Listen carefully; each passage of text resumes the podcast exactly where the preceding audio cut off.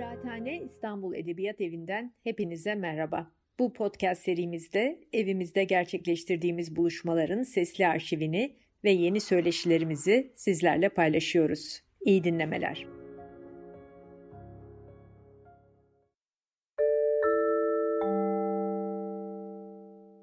Merhabalar herkese. Hmm, benim bugünkü konuşmamın başlığı e, devleti sondan başa okumak. Devlet derken tabii Platon'un devlet diyaloğunu kastediyorum.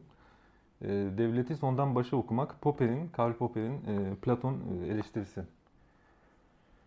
Yani bir süredir yani 4-5 yıldır Platon'un hani devlet diyaloğu üzerine çalışıyorum aslında ve özellikle de bu çalışmayı yaparken yani Platon uzmanlarının değil de başka filozofların yani klasik ya da çağdaş filozofların e, Platon'un devlet diyaloğunun nasıl okumuş olduklarıyla ilgileniyorum. İşte yani klasik filozofların mesela Spinoza gibi bir filozofun ya da Farabi gibi bir filozofun devlet diyaloğuyla kurduğu ilişki nasıl bir ilişkiydi? Ya da işte Alain Badiou gibi, Leo Strauss gibi çağdaş figürler e, devlet diyaloğunda ne bulmuşlardı? E, yani onu hangi açılardan, devlet diyaloğunu hangi açılardan benimseyip sahiplenmişlerdi ya da ne gibi eleştiriler yöneltmişlerdi? Ee, nasıl bir okuma stratejisi benimsemişlerdi. Ee, bununla ilgileniyorum. Yani Platon'un metnini bir uzmanlık objesi, nesnesi gibi değil de hmm, felsefe tartışması açacak e, hani bir problemler e, toplamı gibi e, ele almaya çalışıyorum bu stratejiyle. Bugün de bu genel kapsamlı çalışmadan bir kesit sunacağım size. Karl Popper'in Açık Toplum ve Düşmanları kitabının ikinci cildinde pardon birinci cildinde e, devlet diyaloğunu nasıl ele aldığını tartışacağım. Biliyorsunuz Popper'in kitabı iki ciltten oluşuyor. Yani birinci cilt Platon'un büyüsü başlığını taşıyor ve temelde biraz Herakleitos'tan bahsetse de temelde Platon'la ilgileniyor. İkinci ciltte e, Hegel, Marx ve sonrası başlığını e, taşıyor ve özellikle e, bir Marksizm eleştirisi sunuyor. Ya Popper kitabın ilk cildinde Platon'un büyüsü başlıklı ciltte ya acımasız denebilecek yani şefkatsiz, acımasız, sert bir Platon okuması yapıyor.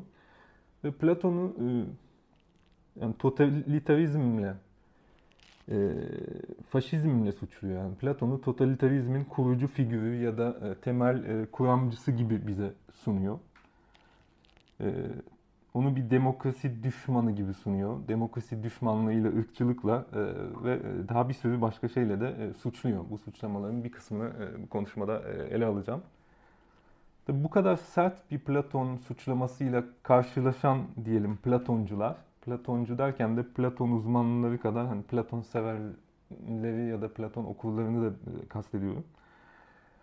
Ya bu kadar sert bir eleştiriyle karşılaşan Platoncuların e, yani Popper'a verdiği tepki aslında onu hiç okumamak yani yok saymak. Ee, bu da biraz anlaşılır bir şey çünkü Popper'ın kitabının hani antipatik bir e, yanı var, sevimsiz bir e, yanı var diyelim ve e, e, bu hani Platon okullarında kitaptan uzak durma e, hani gibi bir e, e, hissi diyelim tetikliyor.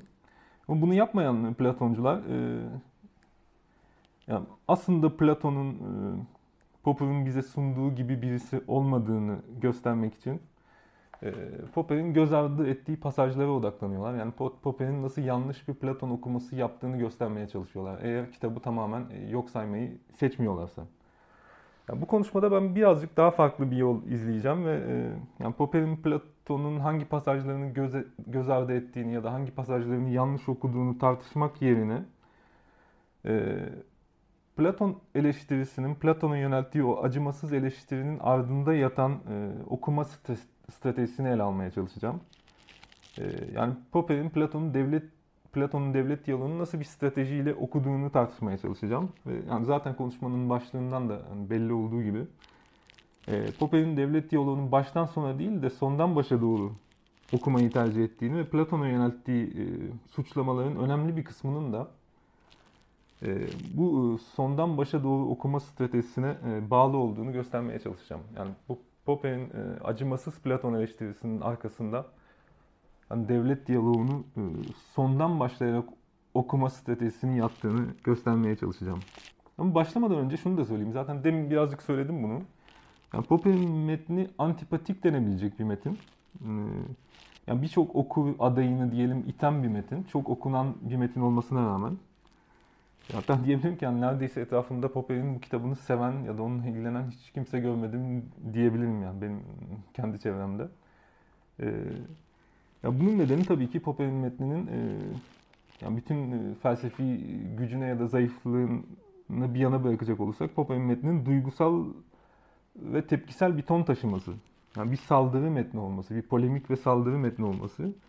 Dolayısıyla kitap e, okurda da e, yani, e, duygular uyandırıyor diyelim ve e, yani okuru da savunmaya geçmeye zorluyor. Yani Platon o kadar sert bir saldırı yapıyor ki siz Platoncu olmasanız bile yani Platon'a bir haksızlık yapıldığı izlenimine kapılıyorsunuz ve defansif bir pozisyona geçiyorsunuz kitabı okurken. Dolayısıyla okurunu da biraz saldırganlaştıran bir metin bu. Tabii ki esas bu gerilim ikinci ciltte daha çok artacak. Yani benim bugün üzerinde durmayacağım. Marx'la ilgili olan ciltte e, yani bu duygusal e, karmaşa ve gerilim diyelim daha da şiddetleniyor. Ee, o yüzden de yani metni birkaç kez okumakta belki fayda var. Yani ilk o duygusal e, hani sarsılmayı e, ilk birkaç okumada yaşayıp ondan sonra metinle daha sakin bir ilişki kurmaya başlayabilirsiniz. En azından benim kendi deneyimimde öyle oldu. Yani metni e, 4-5 kez okudum bu kitabı. Yani ilk e, birkaç okuma benim için çok kötü geçmişti. Sonra yavaş yavaş yani Popper'in e, Popper'in hani saldırılarına falan alıştım yani. Onları çok e, önemsememeye başladım ve e, ya metinde ne dediğiyle ilgilenmeye gitgide yani metnin felsefi içeriğine odaklanmaya başladım diyebilirim. Evet, e, yani Popper'in Platon okumasının özellikleri neler? Yani Popper Platon'u bu kitapta nasıl ele alıyor? Biraz e, ana hatlarıyla bu soruyu cevaplamaya çalışayım. Ya, Popper bir kere şuna inanıyor yani bizim Platon'u aşırı idealize ettiğimize ve yani bir, büyük bir otorite figürüne dönüştürdüğümüze inanıyor. E, bu yüzden de yani Platon'un e, saçmaladığı yerlerde ya da bugün bugünün okurunun kabul edemeyeceği şeyler söylediği yerlerde Platon onun söylediği şeyleri yumuşatma hatta çarpıtma eğilimi sergilediğimize inanıyor. Yani Platon'u o kadar idealize ediyoruz ki yani Platon açıkça yani bugünün okurunun yani faşist ya da totaliter işte ya da ırkçı bulabileceği şeyler söylediğinde bunu kabul etmek istemiyoruz. Platon'un metninin bu yanlarının üzerine bir şekilde örtmeye çalışıyoruz. Yani örtbas etmeye çalışıyoruz Platon'un antipatik yanlarını ve yani onu neredeyse hümanist bir filozof gibi sunmaya çalışıyoruz. Çünkü Platon'u idealize etmişiz. Tabi e, Popper'in kitabı 1945'te yayınlanıyor. Yani 45'ten bugüne neler olup bittiğine baktığımızda aslında Popper'in kitabının e, en azından ilk cildin, Platon'la ilgili kısmın ya epeyce başarılı olduğunu söyleyebiliriz. Çünkü yani bugün devlet diyaloğunu e, ya birçok okur gerçekten hani totaliter bir metin gibi düşünüyor. Yani Platon'un işte e, bir, neredeyse böyle bir kötü bir anti-ütopya ya da distopya gibi e, bir ideal devlet modeli sunduğunu izlenimine kapılıyor diyelim bugün birçok okur. Ve bu e, hani kötü e, antipatik Platon imajında e, Popper'in bir etkisinin olduğunu söylemek de mümkün. E, aynısı tabii ki ikinci cilt için geçerli değil. Yani Popper'in hani Marx okumamıza etkisi neredeyse hiç yok diyebiliriz yani. Hani çok e, zayıf bir Marksizm eleştirisi yapıyor diyelim. E, yani Marksizmi eleştirmek istesek bile yani Popper'den e, çok az şey e, alabiliyoruz. E, aynısı Platon için geçerli değil. Dolayısıyla birinci cilt, Popper'in kitabının birinci cildi, Platon'la ilgili cildi aslında amacına e, ulaşmış diyebiliriz o kitap, Popper'in kitabını okumayan okurlar e, için bile hani e, bu antipatik e, Platon imajın, imajının ardında hani bir Popper etkisi olduğunu söylemek mümkün. E, peki ne dedik? Yani Popper'e göre Platon'u idealize ediyoruz. Bu idealizasyondan kurtulmak için ne yapmalıyız? Popper'e göre Platon'u harfiyen okumalıyız. Yani çarpıtmadan, e, söylediklerini örtbas etmeye çalışmadan, yumuşatmaya çalışmadan Platon'u harfiyen oku, okumalıyız ve metin devlet diyaloğu ve e, işte devlet adamı ve yasalar gibi başka diyaloglarda, siyasetle ilgili başka diyalogları da Platon'un ne diyorsa ona bakmalıyız. Yani metnin e, gerçekten söylediği şeylere bakmalıyız. E, onların üzerine örtmeye çalışmadan. Tabi bu harfiyen okuma ya da metnin kendisine dönme önerisine hmm, yöntemsel bir tartışma eşlik etmiyor Popper'in metninde. Bu önemli bir nokta. Yani Popper e, eğer Platon'u idealize etmekten vazgeçer, vazgeçersek ve Platon'un metinlerini daha e, mesafeli bir biçimde okumayı seçersek zaten gerçek Platon'un ne olduğunu anlayacağımızı adeta varsayıyor. Ve Platon metinlerinin nasıl okuması, okunması gerektiğiyle ilgili de metodolojik bir tartışma hiçbir zaman e, yapmıyor. Yani Platon'un mesela devlet diyaloğunun bugün üzerinde duracağımız e, yani bugün yazılmış bir metin gibi okunabileceğini sanki varsayıyor Popper. E, mesela e, Platon'un diyalog yazmış olmasını, e, yani bir düşünceyi e, e, olduğu gibi aktarmak yerine sahneye koymayı e, seçmiş olmasını, e, çok sesli metinler üretmiş olmasını hiç hesaba katmıyor. Yani Platon düşüncesinin e, sunuluşundaki dramatik katmanı, dramatik unsurları hiç hesaba e, katmıyor diyelim. Örneğin işte Leo Strauss gibi birisinin Platon okumasını e, kaynağında yer alacak olan, e, temelinde yer alacak olan e, yani dramatik unsur analizlerinde unsur analizlerine Popper'ın okuması hiç yer vermiyor. E, ikincisi Popper e, yani Sokrates'in Platon'un sözcüsü olduğunu hiç tartışmaksızın e, varsayıyor. Yani Sokrates ne diyorsa mesela devlet diyaloğunda Sokrates ne diyorsa e, Platon da öyle düşünüyordu diye varsayıyor. Yani burada da yani Sokrates'in Platon'un sözcüsü olduğunu varsaymamak epeyce zor bir şey. E, dürüst olmam gerekirse yani. Herkes eninde sonunda her Platon okuru yani Sokrates'i birazcık Platon'un sözcüsü gibi görmek zorunda sanki.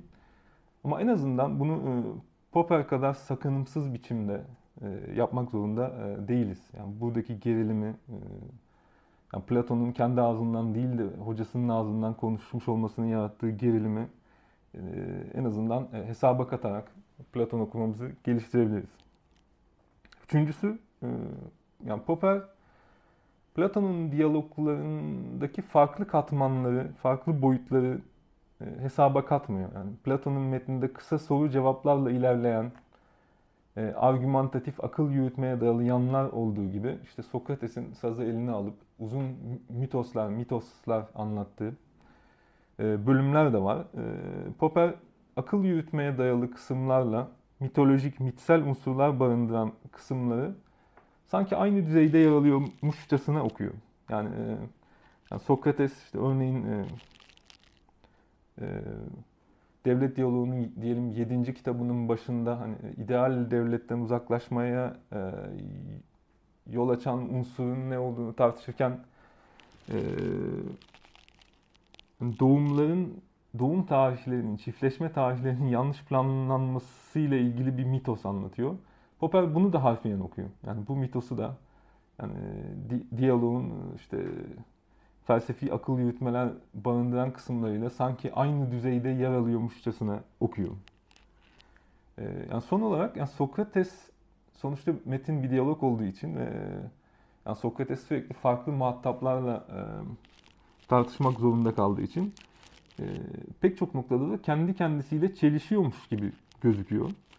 E, Popper bunları da pek önemsemiyor. Yani, e, yani Sokrates metnin bir yerinde işte A tezini, başka bir yerinde değil A tezini savunuyorsa tabii bu da bizi e, düşünmeye sevk etmeli. Popper bu konulara da yani Sokrates figürünün e, yani Platon'un yarattığı Sokrates, kurguladığı Sokrates figürünün gerilimlerine de e, epeyce duyarsız kalıyor. E, ya da e, bu gerilimlerle ilgili kaba psikolojik denebilecek e, yorumlarda bulunmakla yetiniyor. Ama ne olursa olsun yani Popper'in stratejisi açık. idealize edilmiş bir Platon'a karşı metinlere dönelim ve Platon'un gerçek yüzünü görelim. Yani maskesini indirelim Platon'un ve aslında büyük bir filozof, bir otorite figürü gibi düşündüğümüz Platon'un aslında totalitarizmin öncüsü olduğunu keşfedelim diye düşünüyorum. Tabii ki burada şunu göz ardı etmememiz lazım. Yani Popper'in esas amacı, açık toplum ve düşmanlığında Popper'in esas amacı yeni bir Platon okuması yapmak değil. Yani metinde yani devlet diyaloğunun bazı pasajlarını ayrıntılı biçimde odaklansa da işte yer yer yasalar ve devlet adamın diyaloglarına da e, odaklansa da E, Popper'in esas amacı dediğim gibi yeni bir Platon yorumu yapmak değil. Platon'da en büyük, en görkemli ve dolayısıyla da en tehlikeli temsilcisini bulduğumuz bir yaklaşımı e, eleştirmek. E, yani aslında Platon e, yani Popper'in tartışması için bir bahane gibi bir şey bir açıdan. Yani kitap boyunca Popper Platon'u pek çok farklı etiketlerle diyelim etiketliyor. Onu işte kabileci olmakla suçluyor. Ütopist, ütopyacı olmakla suçluyor. Kolektivist olmakla suçluyor. Totaliter olmakla, radikalist ya da köktenci olmakla işte romantik olmakla, ırkçı olmakla, yöntemsel özcü olmakla vesaire suçluyor. Yani Popper etiketleri seven birisi ve yani kitabı okuduğunuzda hemen fark ediyorsunuz sürekli isimler takıyor bir sürü şeye. Platon'a da bir sürü isim takıyor. Ama temelde Platon'a yönelttiği eleştiriler e, yani iki eksende e, ilerliyorlar. Yani Platon'u bir yandan Popper açık toplumun düşmanı olarak görüyor. Diğer yandan da e, tarihselci yaklaşımın e, önemli bir figürü, önemli bir örneği olarak e, görüyor. Dolayısıyla e, Popper'in Platon okuması iki çerçevenin üst üste bindirilmesine dayanıyor. Açık toplum, kapalı toplum ayrımı üzerinden yapılan bir Platon eleştirisiyle tarihselcilik analizi üzerinden yapılan bir Platon eleştirisinin üst üste bindirilmesine dayanıyor. Önce ilk çerçeveye biraz bakalım. Yani bu açık toplum, kapalı toplum ayrımının ne anlama geldiğine biraz bakalım. Yani tahmin edeceğiniz gibi açık toplum iyi bir şey Popper için ve açık toplumun düşmanı olarak Platon da e, kitapta eleştirilere tabi tutulacak. Yani kitabın başlığına bile baktığınızda bunu kolayca tahmin edebiliyorsunuz. Da küçük bir dipnot e, düşebilirim. Yani açık toplum ve kapalı toplum ayrımı e, Popper'le birlikte meşhur olmuş olsa bile aslında Popper'in bir ayrımı değil e, Bergson'un bir ayrımı. Yani Bergson 1932'de e, yazdığı Ahlakın ve Dinin iki Kaynağı kitabında aslında ilk olarak bu ayrımı kullanıyor. Ve de işte açık toplumdan işte yaşamsal atılımın maddenin boyunduğundan kurtulduğu bir toplumu anlıyor. İşte bütün kendi vitalizminin yaşam felsefesinin e, hani doğuk noktası olarak böyle bir ayrımla bitiriyor neredeyse felsefesini. Bergson'un son kitabı Ahlakın ve Dinin iki Kaynağı. E, Popper de bunun farkında. Yani ayrımın önce Bergson tarafından ortaya kendisinden önce Bergson tarafından ortaya konmuş olduğunun farkında. Ama şunu söylüyor. Yani Bergson'la Bergson'daki haliyle bu açık toplum kapalı toplum ayrımının e, kendi anladığı hali arasında bir takım paralellikler olsa da ee, kendisinin bu ayrımı hani mistik unsurlardan arındırarak kullandığını söylüyor. Yani Bergson'da hani e, ağır bir yaşam metafiziğine dayanan e, bir ayrımla karşı karşı şey, karşı karşıyayken e, hani Popper'de daha rasyonel hani mistik unsurlarından arındırılmış bir ayrımla karşı karşıyayız. Ee, yani kitabın ilk e, satırlarında e, Popper bize şunu hatırlatıyor, şunu söylüyor. Yani ana tezini söylüyor aslında. İnsanlık diyor, mistik güçlere tabi olan kapalı toplumdan insanın eleştirel güçlerini serbest bırakan açık topluma doğru ilerliyor diyor.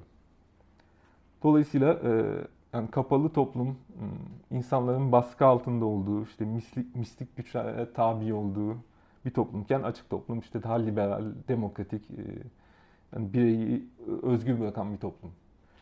Ee, biraz daha e, netleştirmek istersek bu ayrımı, yani bu kavramsal ayrımı biraz daha e, yakından anlamaya çalışırsak şunu söyleyebiliriz. E, kapalı toplum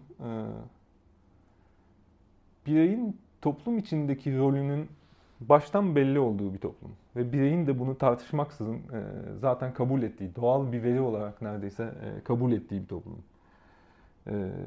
Yani nasıl bir hayat süreceğiniz eğer bir kapalı toplumdaysanız zaten siz doğduğunuzda hmm, belirlenmiş durumda. Dolayısıyla da yani ben bu hayatta ne yapmak istiyorum? Yani kendi e, varoluşumu nasıl şekillendirmek istiyorum falan gibi sorular sormanıza e, gerek kalmıyor. Zaten böyle soruları sorabileceğiniz bir ufuk da yok e, kapalı bir toplumdaysanız. Tabii ki bu da size bir tür ahlaki, varoluşsal konfor sunuyor diyelim. Yani kapalı toplumun tırnak içinde konforlu yanı, yani bizi yani varoluşun ağırlığından neredeyse e, kurtarıyor olması. E, buna karşılık açık toplum yani bireyi özgürleştiriyor, serbest bırakıyor. Bu bir yandan da onu e, ona e, ahlaki, varoluşsal sorumluluklar yüklüyor. Yani artık kendi hayatınızda ne yapmak istediğinize kendiniz karar vermek zorundasınız. Açık toplumda açık toplumdaysanız işte hangi ilkelerin sizin için önemli olduğunu, işte nasıl bir hayat yaşamak istediğinizi, nasıl bir meslek seçmek istediğinizi vesaire vesaire e, seçmek zorundasınız. Yani kendi hayatınızı e, kendi hayatınızın yükünü sırtlanmak zorundasınız eğer e, açık toplumda yaşıyorsanız. E, Popper bazen kabilecilik ve uygarlılık arasındaki bir fark gibi de sunuyor bu e, kapalı toplum, açık toplum ayrımını. Yani kapalı toplum kabileci bir toplum. E, açık toplumsa e, uygarlığın ta kendisi aslında. Dolayısıyla insan olmak aslında e, ancak e, tam anlamıyla insan olmak açık toplumda mümkün. Ya da bazen de e, yani çocukluk ve yetişkinlik arasındaki bir fark gibi biraz bunu e, düşünüyor. Yani bir çocuk kendi hayatının sorumluluğuna sahip değil. Yani annesi babası e, onun ne yapması gerektiğini baştan belirliyor zaten. Bir noktada yani anne baba sahnenin gerisine çekiliyor ve çocuk kendi tercihlerinin sorumluluğunu taşımak zorunda olduğu bir düzleme geçmek zorunda kalıyor ki yani çocukluktan çıkmak zorunda kalıyor aslında yetişkinliğe geçiş yapmak zorunda kalıyor.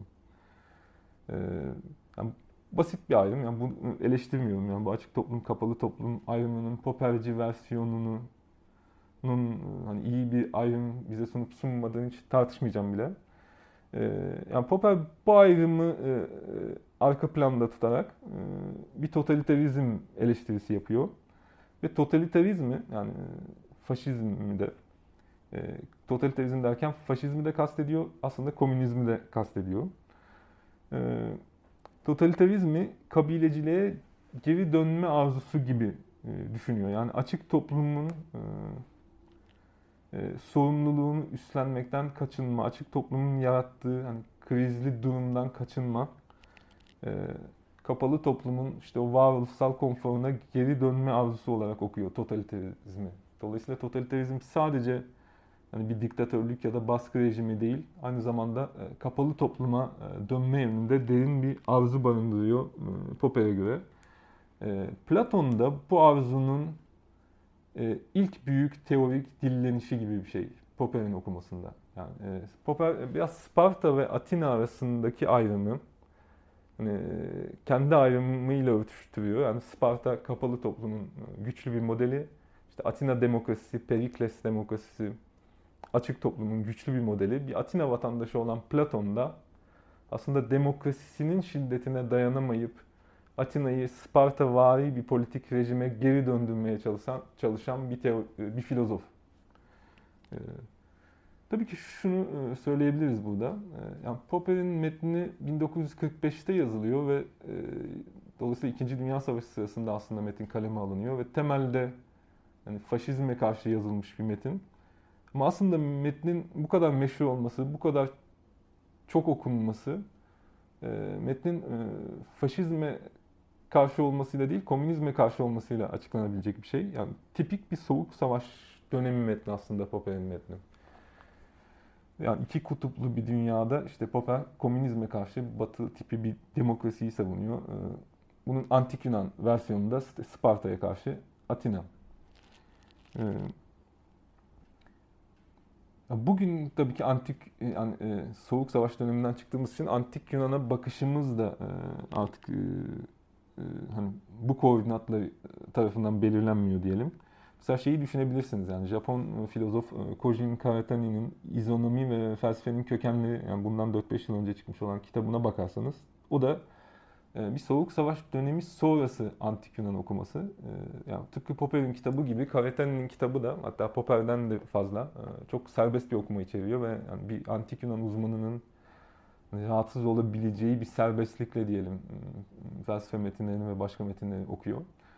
Ee, çok fazla spekülasyon içeriyor vesaire ama Kavetani'nin e, yaptığı şey de e, Atina ve Sparta ikiliğini biraz ikinci plana atıp yani Miletos ve Ionia e, geleneğini vurgulamak, işte onu izonomiyle ilişkilendirmek vesaire.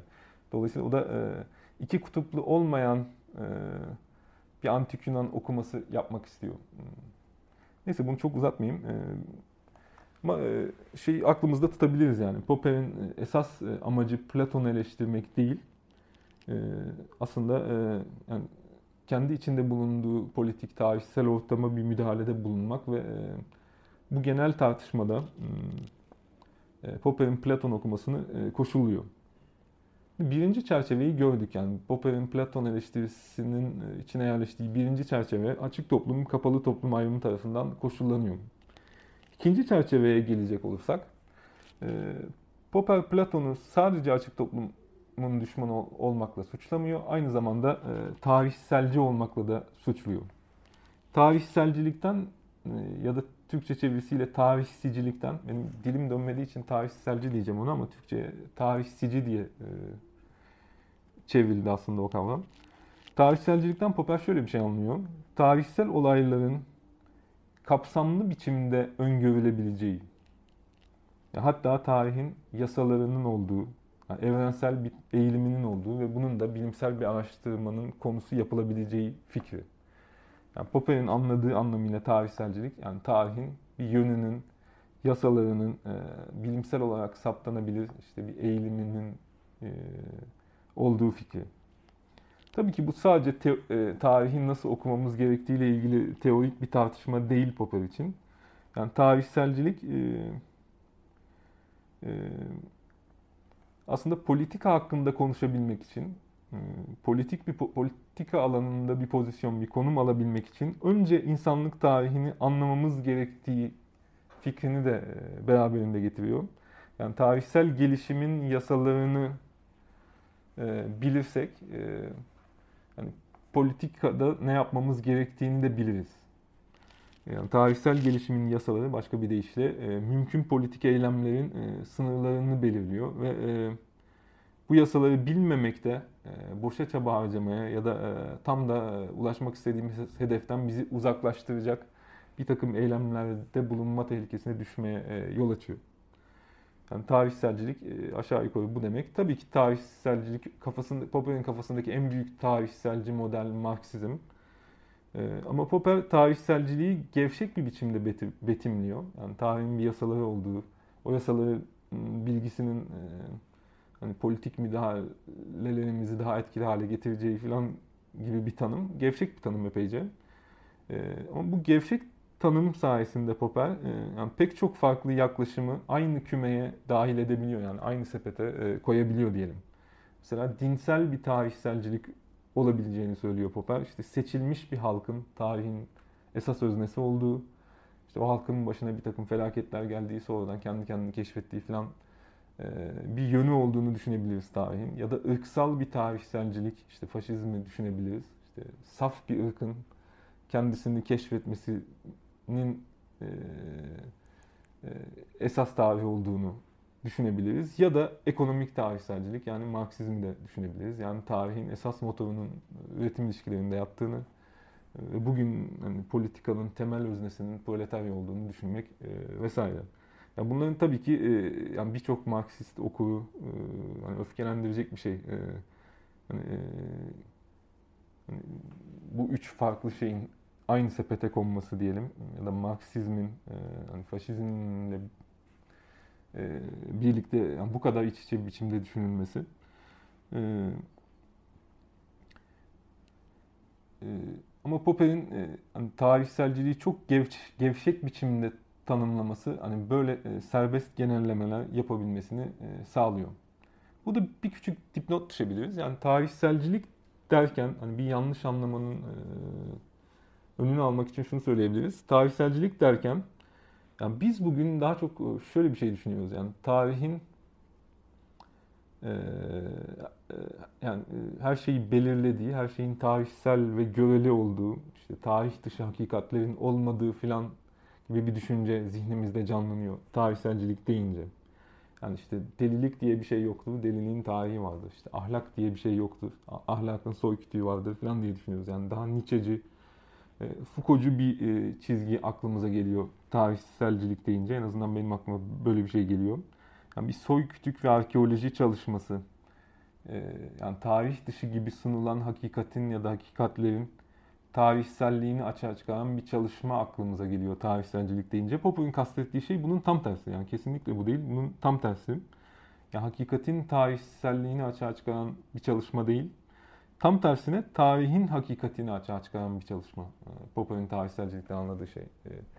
Her şeyin e, tarihsel olduğunu gösteren bir çalışma değil. Tarihin bir hakikati olduğu ve yani bir yönü, bir yasası, bir hakikati olduğu ve o hakikati bilirsek de e, politikaya müdahale edebileceğimiz fikri. E, bu ikinci çerçeve. Popper Platon'da e, hani bir açık toplum düşmanı gördüğü gibi aynı zamanda e, önemli bir tarihselci figür de görüyor. E, Popper'e göre tarihselcilikle yani açık toplum düşmanlığı çoğu zaman iç içe geçiyorlar, örtüşüyorlar. Çünkü e, yani tarihselciliğin kurguladığı e, haliyle tarih e, sonunda sanki kapalı bir topluma meyil ediyor gibi. Yani tarihin yasası açık toplumun o çalkantılı aşamalarından geçerek sonunda bir kapalı topluma varıp tamamlanmakmış gibi gözüküyor. Yani tarihselci yaklaşımlar hani çoğu zaman ıı, kapalı toplumlara dönme arzusunu yansıtıyorlar. İşte komünizm de bir kapalı toplum Popper'e göre ve e, Marksist tarih yaklaşımının yani tarihi komünizmle bitirmesi diyelim bizim anladığımız anlamıyla tarihi komünizmle bitirmesi yani tarihin temel çelişkisinin komünizmle çözülecek olması e, yani tarihin kapalı toplumda donduğu ve bittiği anlamına geliyor Popper'in e, okumasında. Bunun da iyi ya da kötü bir okuma olup olmadığını e, tartışmıyorum.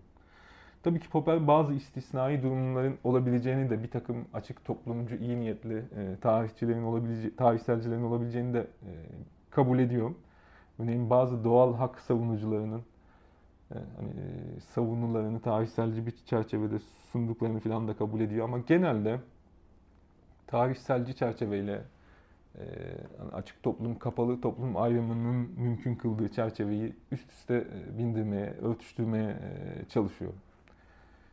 Dolayısıyla yani bir dizi ikili ayrım üstümüze boca ediyor adeta Popper. Yani hani şu an bir ders yapıyor olsaydık böyle tahtaya hani iki kolon halinde yazabileceğimiz hani bir tablo çıktı sanki bu söylediklerimizden.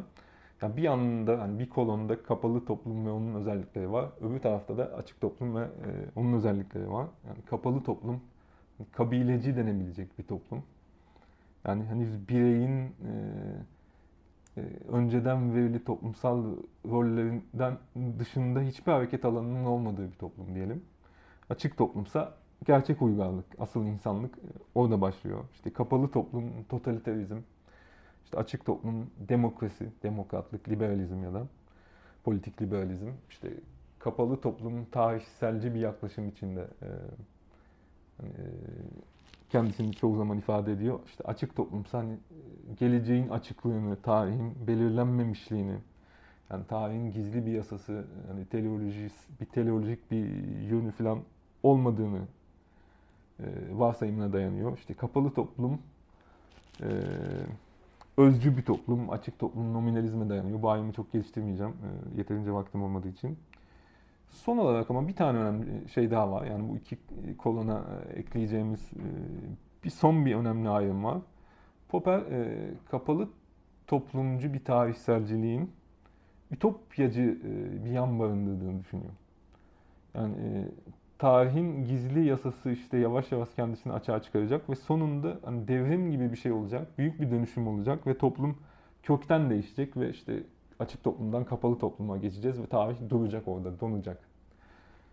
Popper bunun karşısında bir tür reformculuk öneriyor yani ve açık toplumu reformculukla ilişkilendiriyor. Kendisi buna reformculuk demiyor da adım adım aşamalı biçimde gelişen bir toplum mühendisliği diyor. Kendisi böyle isimlendiriyor bu pozisyonu yani. Ütopyacı yani kapalı toplum tarafına düşen ütopyacı bir toplum mühendisliğine karşı, toplumu kökten değiştirmek isteyen bir toplum mühendisliğine karşı adım adım ilerleyen daha mütevazi diyelim bir toplum mühendisliği açık toplum tarafına düşüyor. Bunun neden önemli olduğunu hani konuşmamın sonlarında biraz ele alacağım. Yani dolayısıyla şöyle diyebiliriz yani Popper'in kitabı yani politik denebilecek bir çerçeveyi, işte açık toplum, kapalı toplum ayrımına dayanan politik denebilecek bir çerçeveyi epistemolojik bir çerçeveyle işte bir tarihselcilik analizinin hani yön verdiği epistemolojik bir çerçeveyle örtüştürmeye çalışıyor. Ve e, totalitarizme karşı, işte komünizme ve faşizme karşı demokrasiyi savunmak için de Popper tarihselci e, e, epistemolojinin bir eleştirisini sunuyor. Bu epistemolojinin hani büyük temsilcilerini eleştiriye e, tabi tutuyor. Yani Popper'in amacı yani Platon'u birinci ciltte, ikinci ciltte de e, Hegel'i ve özellikle Marx'ı eleştirerek onların bizim üzerimizdeki etkisini ortadan kaldırmak ve böylece de demokrasi mücadelesine katkıda bulunmak. Yani Popper'in e, çalışmasını anlamlı hale getiren şey aslında tarihselcilikle açık toplum, kapalı toplum arasında kurduğu ay, e, derin bağ. Yani tarihselciliğin eleştirisi, yani kapalı toplumun da eleştirisi anlamına gelecek bu bağ sayesinde ve e, demokrasi savunusu e, na dönüştürecek Popper'in çalışmasını. E, tabi burada Popper'e iki tane e, önemli soru e, sorabiliriz bence. E, yani birincisi yani bu iki çerçeve gerçekten Popper'in varsaydığı kadar kolay bir biçimde üst üste biniyor mu? Bu kadar kolay örtüştürülebilir mi? Açık toplum, kapalı toplum ayrımının koşulladığı çerçeveyle, tarihselcilik çerçevesi kere Popper'in e, kendisi de yani insanlık tarihini kapalı toplumdan yavaş yavaş açık topluma doğru ilerleyen e, bir tarih gibi sunuyor. Dolayısıyla yani Popper'in kendisi de aslında tarihselci bir e, okuma yapıyor. Yani açık toplum, kapalı toplum ayrımı e, özellikle Popper'in e, kitabının birinci cildinin son bölümünde böyle görkemli, büyük, kapsayıcı bir e, tarih anlatısına dönüşüyor. Yani insanlık e, açık topluma doğru yavaş yavaş ilerliyor. E, dolayısıyla yani bu neden tarihselci değil? Yani hani eğer Platon'u ve Marx'ı hani tarihselcilikle suçlayacaksak aynı şey Popper'in kitabında da yok mu? Ya burada sanıyorum şöyle bir durum var. Yani Popper aslında 1936'da yani e, Açık Toplum ve Düşmanlarının yayınlanmasından 9 yıl önce e, Tarihselciliğin Sefaleti diye bir e, metin yazıyor. Bu e, 1957'de kitaplaştırılacak. Yani e, Açık Toplum ve Düşmanlarından e, 11 yıl sonra kitaplaştırılacak ama aslında ondan çok daha önce yazılmış. Dolayısıyla Popper'in ilk başvurduğu çerçeve, ilk geliştirdiği çerçeve yani totalitarizmi eleştirmek için ilk kullandığı kavramsal çerçeve tarihselcilik çerçevesi. Ama sanki sonradan bu açık toplum ve kapalı toplum ayrımını e, keşfediyor diyelim. Bunu e, merkeze alan bir analiz e, yapmaya başlıyor ve tarihselcilikle de onu birleştirmeye çalışıyor. Yani önce tarihselcilik eleştirisini geliştirmiş diyelim ilk e, ilk metinde. Yani sonra e, e, açık toplum, kapalı toplum ayrımı da sahneye girmiş ve e, bu ikisini Popper e, uzlaştırmak zorunda hissetmiş kendisini sanki. Yani e, bana en azından böyle geliyor yani. E, önceden birinci çerçeveyi buluyor, tarihselciliğe dayalı çerçeveyi. Sonra ikinci çerçeve açık toplum, kapalı toplum çerçevesi devreye giriyor ve sonunda bu ikisini bir şekilde uzlaştırmak, ilk çerçeveden de tarihselcilik hakkında söylediği şeylerden de vazgeçmemek istiyor sanki Popper ve bu da e, yani metninde bir takım böyle iç gerilimlere, bükülmelere, zorlanmalara diyelim e, yol açıyor. Neyse bu soruyu çok fazla geliştirmeyeceğim ama burada bence e, yani bir, bir tür ciddi sorun var. Yani Popper'in okumasında da eğer tarihselcilik eğer kötü bir şeyse, Popper'in anladığı anlamda tarihselcilik, e, onun kendi kitabında da e, bu e, tarihselci yaklaşımın izlerini bulmak mümkün. İkinci soru ama daha yani bizim konumuzda daha yakından ilgili. Yani Platon'a gerçekten tarihselci diyebilir miyiz? Yani tamam Marx'a belki bunu diyebiliriz. Yani Hegel'e belki bunu diyebiliriz. Ama Platon'a tarihselci demek çok daha zor değil mi? Yani Platon'un devlet diyaloğunda yaptığı şey e, bilenlerin yönettiği, dolayısıyla filozofların yönettiği, yani ideaların ya da hakikatin bilgisine sahip olan filozofların yönettiği bir ideal devlet taslağı sunmak diyelim ki. Yani devlet diyaloğunun tek yaptığı şey e, bu değil. Ama bu şekilde de okuyabiliriz devlet diyaloğunu. E, ama bu ideal devlet taslağı e, bir takım tarihsel öngörülere, varsayımlara yani tarihin o gizli yasasına ya da yönüne ya da evrensel eğilimine ilişkin bir takım hipotezlere falan dayanıyor e, değil. Yani, dolayısıyla Platon'la Hegel ve Marx'ı aynı sepete koymak çok da kolay değilmiş gibi gözüküyor aslında ilk bakışta.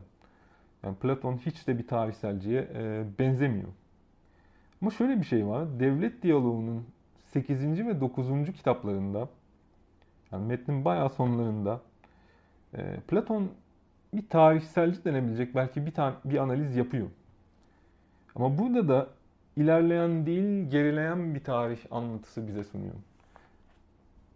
Yani tarihi ideal bir devletten, ideal bir modelden gitgide uzaklaştığımız e, bir çöküş hikayesi gibi bize anlatıyor. Yani en başta ideal devlet vardı. E, o devlet işte e, nasıl olduysa bir şekilde bozuldu, yozlaştı ve yerini timokrasiye bıraktı.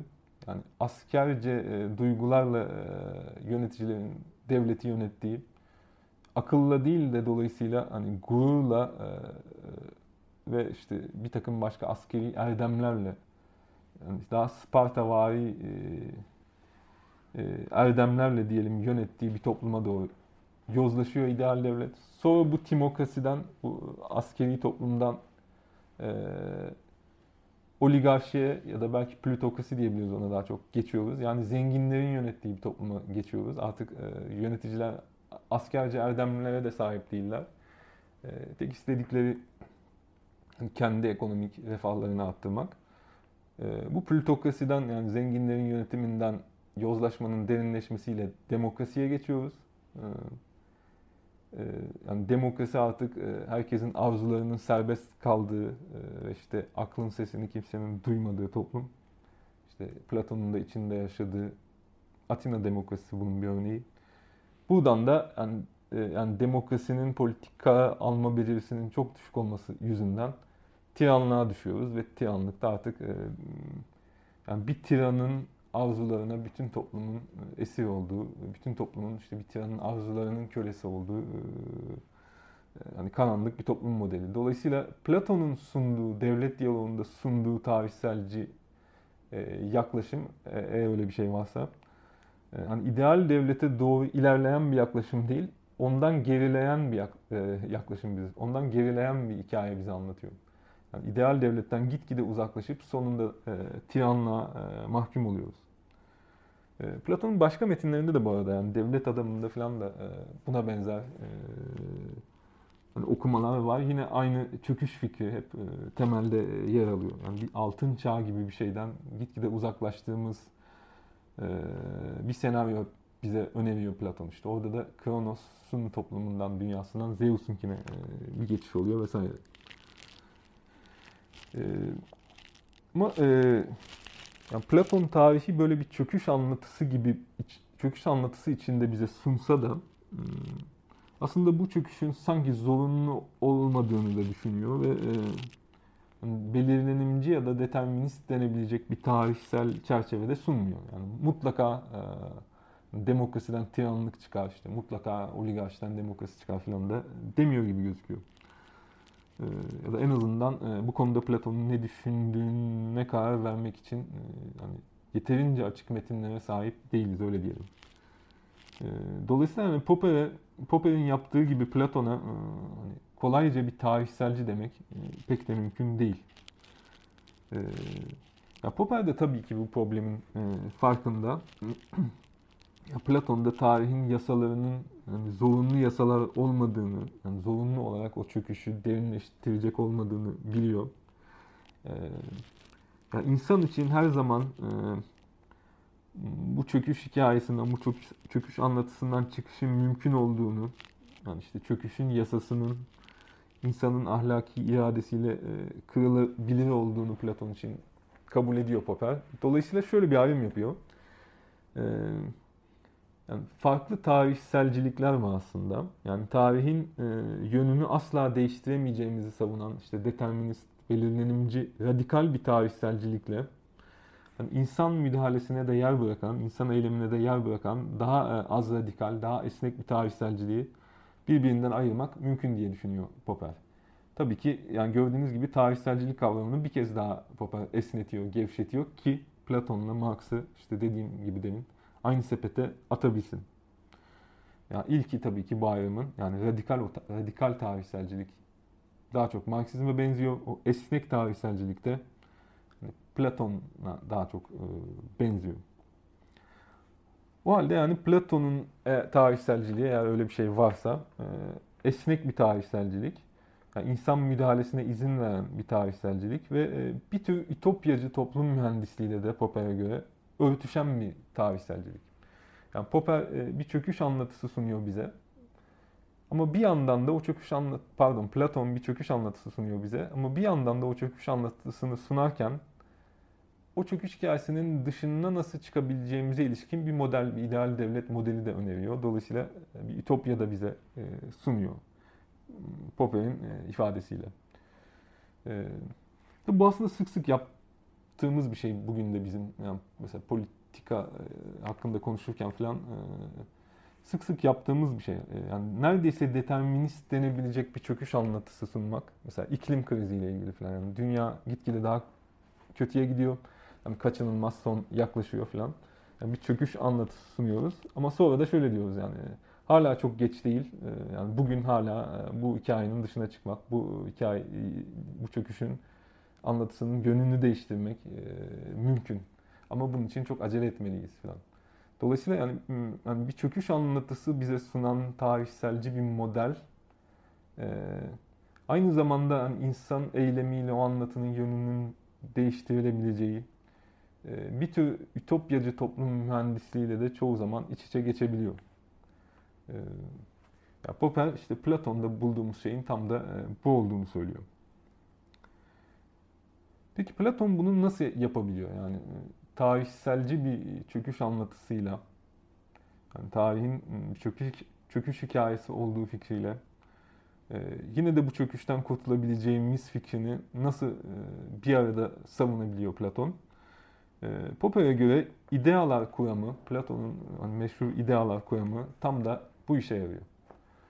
Yani tabii ki e, ideaların birinci işlevi, yani idea gibi bir şey olmasının Platon'un felsefesinde birinci işlevi e, yani sürekli değişim içinde olan ve sürekli değişim içinde olduğu için de e, tam anlamıyla bilimin, bilginin, epistemenin konusu olamayacak olan e, bu dünyanın ötesinde ee, yani bilginin konusu olabilecek e, bir şeyler bize sunması. Yani bilgiyi mümkün kılması, epistemeyi mümkün kılması. İdeaların birincil işlevi bu. Dolayısıyla o episteme sayesinde e, akış içinde olan, sürekli değişim içinde olan bu dünyanın da bir yere kadar e, bilinebilirliğini mümkün kılması. Yani ideaların hani ilk akla gelen işlevi bu. Ama bunun yanı sıra Popper'in okumasında ideaların iki başka işlevi daha var. E, idealar bir değişim ve e, oluş, oluş ve bozuluş neredeyse teorisini temellendirmeyi sağlıyorlar Popper'in okumasına göre. Yani eğer e, başta ideal bir devlet olduğunu varsayarsanız e, e, o ideal devlet yani ideaların mümkün olabildiğince yeryüzünde temsil edilişine karşılık gelecek. Ve tarih de o ideal durumdan e, uzaklaşmanın hikayesinden başka bir şey olmayacak. Dolayısıyla idealar teorisi e, tarihselciliği temellendiriyor Popper'in okumasında. Yani tarihi ideal devletten uzaklaştığım, gitgide daha çok uzaklaştığımız bir çöküş anlatısı gibi sunabilmesi Platon'un elinde idealar teorisi gibi güçlü bir kavramsal aygıt olmasına bağlı. Bu idealar teorisinin hani standart işlevinin dışında birinci büyük e, politik işlevi diyelim. İkincisi de idealar aynı zamanda bir toplum mühendisliğini de mümkün kılıyor. Çünkü e, yani ideaların bilgisi sayesinde o çöküş anlatısının dışına çıkmak ve ideal, ideal devleti inşa etmek mümkün. Yani tarihin akışını tersine çevirmek, e, çöküşü engellemek, e, ve ideal duruma toplumu geri döndürmek mümkün. Bunun için tabii ki filozofun başa geçmesi gerek. Dolayısıyla Popper'in okumasında idealar teorisi hem Platon'un tarihselciliğini temellendiriyor hem de onun toplum mühendisliğini diyelim mümkün kılıyor. Şimdi Popper'in kitabına bakacak olursanız, yani Açık Toplum ve Düşmanlarının birinci cildine bakacak olursanız, işte idealara yüklediği bu iki politik işlev kitabın neredeyse planını belirliyor. Önce genel bir giriş, işte bir Heraklitos, Heraklitos eleştirisi, Platon'un idealar kuramının ana hatları falan üzerine 3 kısa bölüm var. Ondan sonra 4. ve 5. bölümlerde Platon'un tarihselciliğini eleştiriyor Popper. 6, 7, 8, 9'da da yani 4 bölüm boyunca da Platon'un e, bu ütopyacı toplum mühendisliğini eleştiriyor. 10. bölümde de böyle bir açık toplum, kapalı toplum ayrımını eksene alan genel bir antik Yunan e, okuması yapıyor.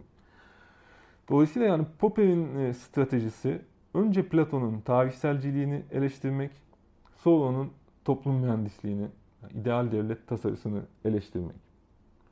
İşte burada e, Popper'in esas e, e, okuma stratejisini, devlet diyaloğunu özellikle okuma stratejisinin e, ne olduğunu görüyoruz. Ve bu okuma stratejisinin e, hani, e, Popper'in Platon hakkındaki tezlerini nasıl belirlediğini görüyoruz aslında. Yani Popper devleti aslında sondan başa doğru okuyor.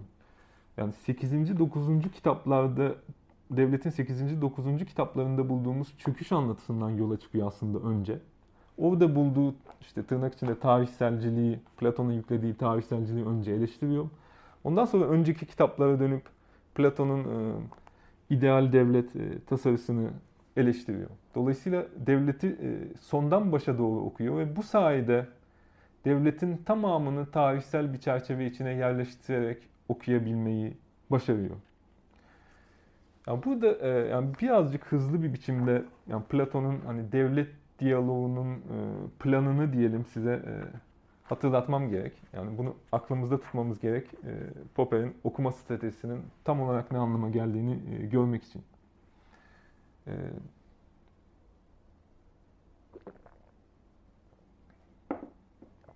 Ya bildiğiniz gibi Platon'un devlet diyaloğu 10 kitaptan oluşuyor. Ya da 10 bölümden oluşuyor nasıl adlandırırsanız.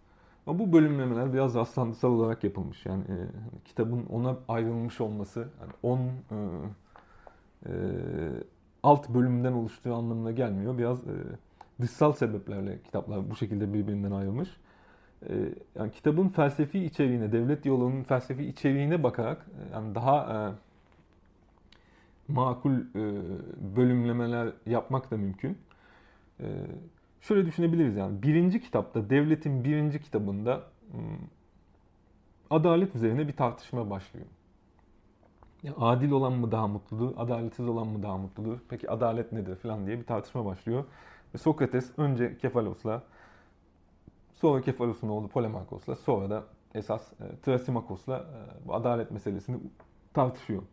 Biraz da çözümsüz bir biçimde bitiyor. Yani Sokrates'in zaferiyle bitiyor ama Hani güçlü bir zaferde değil bu yani. Trasimakos'u biraz köşeye sıkıştırıyor e, Sokrates ama bir yandan da Trasimakos hani güçlü bir figür olarak kalmaya devam ediyor. Devlet Diyaloğu'nun birinci kitabı bu. Bundan sonra ikinci, üçüncü ve dördüncü kitaplarını Devlet Diyaloğu'nun ikinci, üçüncü ve dördüncü kitaplarını tek bir blok gibi düşünmemiz mümkün. Yani burada Sokrates bu sefer Glaukon ve Adeimantus'la e, söyleşerek e, hem adaletin ruhta ve dev, dev, ruh düzeyinde ve devlet düzeyinde ne olduğunu tanımlıyor. Hem de e, adil yöneticilerin başta olduğu bir ideal devlet taslağı çiziyor. İkinci, üçüncü, dördüncü kitaplar. Ya burada yalnız e, o meşhur üçlü ayrım, işte filozofların yönetici olduğu, askerlerin koruyucu olduğu, işte nüfusun geri kalanının üretici olduğu, ticaretle ve üretimle ilgilendiği falan ee, o üç, üçlü ayrım, üçlü Platoncu devlet modeli henüz karşımıza çıkmış değil. Yani henüz askerlerle, koruyucu askerlerle e, filozof yöneticilerin ya da işte tek bir kişi ise o filozof kralın birbirinden ayrılmadığını görüyoruz ikinci, üçüncü, dördüncü kitaplarda. Yani askerlerin yönetici olduğu, koruyucuların e, hem devleti korumaktan e, hem de onun e, yönetimiyle ilgilenmekten sorumlu olduğu bir ideal devlet taslağı sunuyor. Platon bize önce. İkinci, üçüncü, dördüncü kitap bu. Sonra beşinci, altıncı ve yedinci kitaplarda başka bir şey oluyor. Yani beşinci kitapta bir kadınlar ve çocukların ortaklığı ile ilgili bir tartışma başlıyor. O tartışma sonunda hani filozofların ideal devlette yönetici olması gerektiği tartışmasına bağlanıyor. Beşinci kitabın sonunda. Dolayısıyla Sokrates ağzındaki baklayı ancak devlet diyaloğunun ortasında yani 5. kitabın sonunda çıkarmış oluyor. Yani filozofların ideal devlette yönetici olması gerektiği fikri. Böylece 6. ve 7. kitaplarda e, yani neden filozofların devleti yönetmesi gerektiği e, sorusu tartışılmaya başlanıyor ve e, bu ta, e, sorunun cevabı da hepinizin bildiği gibi idealar e, teorisinde yatıyor. Yani filozof ideaların bilgisine sahip olduğu için ideal devlette yönetici olmalı. Ve işte aslında devlet diyaloğunun en meşhur pasajlarının yer aldığı, hani, hani felsefe tarihinin belki en çok okunan, herkesin bildiği satırlarının yer aldığı bölümleri de bu 6. ve 7. kitaplarda. Yani işte meşhur mağara alegorisi, çizgi analojisi, güneş analojisi e, bu kitaplarda yer alıyor. Yani devlet diyaloğunun kalbi diyebiliriz ki 5. E, 6. ve 7. kitaplarda özellikle 6 ve 7'de. Dolayısıyla şöyle diyebiliriz. Birinci kitabı bir yana bırakalım yani Sokrates'in o Trasimakos'ta falan yaptığı tartışmaları. 2, 3, 4'te bir, birinci ideal devlet taslağı buluyoruz. Yani askerlerin aynı zamanda yönetici de olduğu, e, bir takım filozofça erdemle sahip olduğu falan. Ama henüz idealar teorisinin açıkça ortaya konmamış olduğu bir ilk taslak.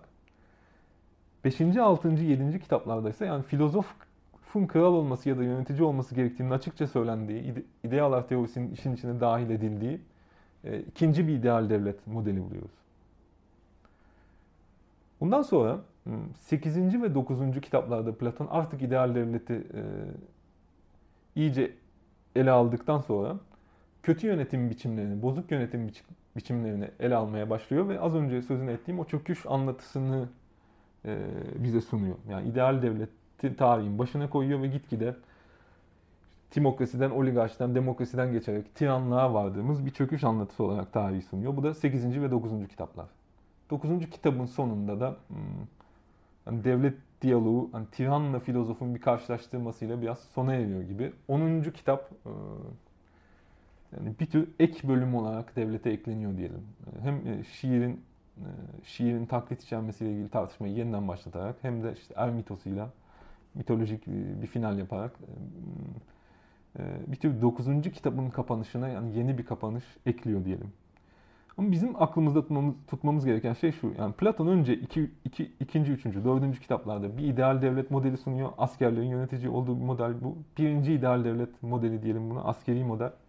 Sonra beşinci, altıncı, yedinci kitaplarda filozofun kral olduğu ikinci bir ideal devlet modeli sunuyor. İşte idealar teorisi falan esas burada karşımıza çıkıyor. Tabii bu iki model birbiriyle çelişmiyor ama sanki birincisi ikincisinin daha sönük bir resmiymiş gibi yani. ikinci modelde esas her şey netleşiyor. Sonra 8. 9. kitaplarda da e, ideal devletten gitgide uzaklaştığımız bir tarih anlatısı öneriyor. Yani Popper devlet diyaloğunu sondan başa doğru okuyor derken kastettiğim şey şu. Popper 8. 9. kitaplardan başlıyor. Ee, yani devleti okumaya e, yani birinci ideal devlet modelinden, o askerlerin yönettiği modelden başlamıyor. İkinci modelden, filozofların yönetici olduğu modelden de başlamıyor. 8. 9. kitaplardaki e, çöküş hikayesinden başlıyor. Ve bu Popper'in devlet diyaloğunu okumasını e, baştan sona belirliyor. Yani sadece 8. 9. kitapları öne çıkarmış olmuyor Popper böyle yaparak. Aynı zamanda birinci ideal devlet ve ikinci ideal devlet modellerine yaklaşma tarzını da e, belirliyor e, Popper'in bu e, stratejisi. Sondan başa doğru devleti okuma stratejisi.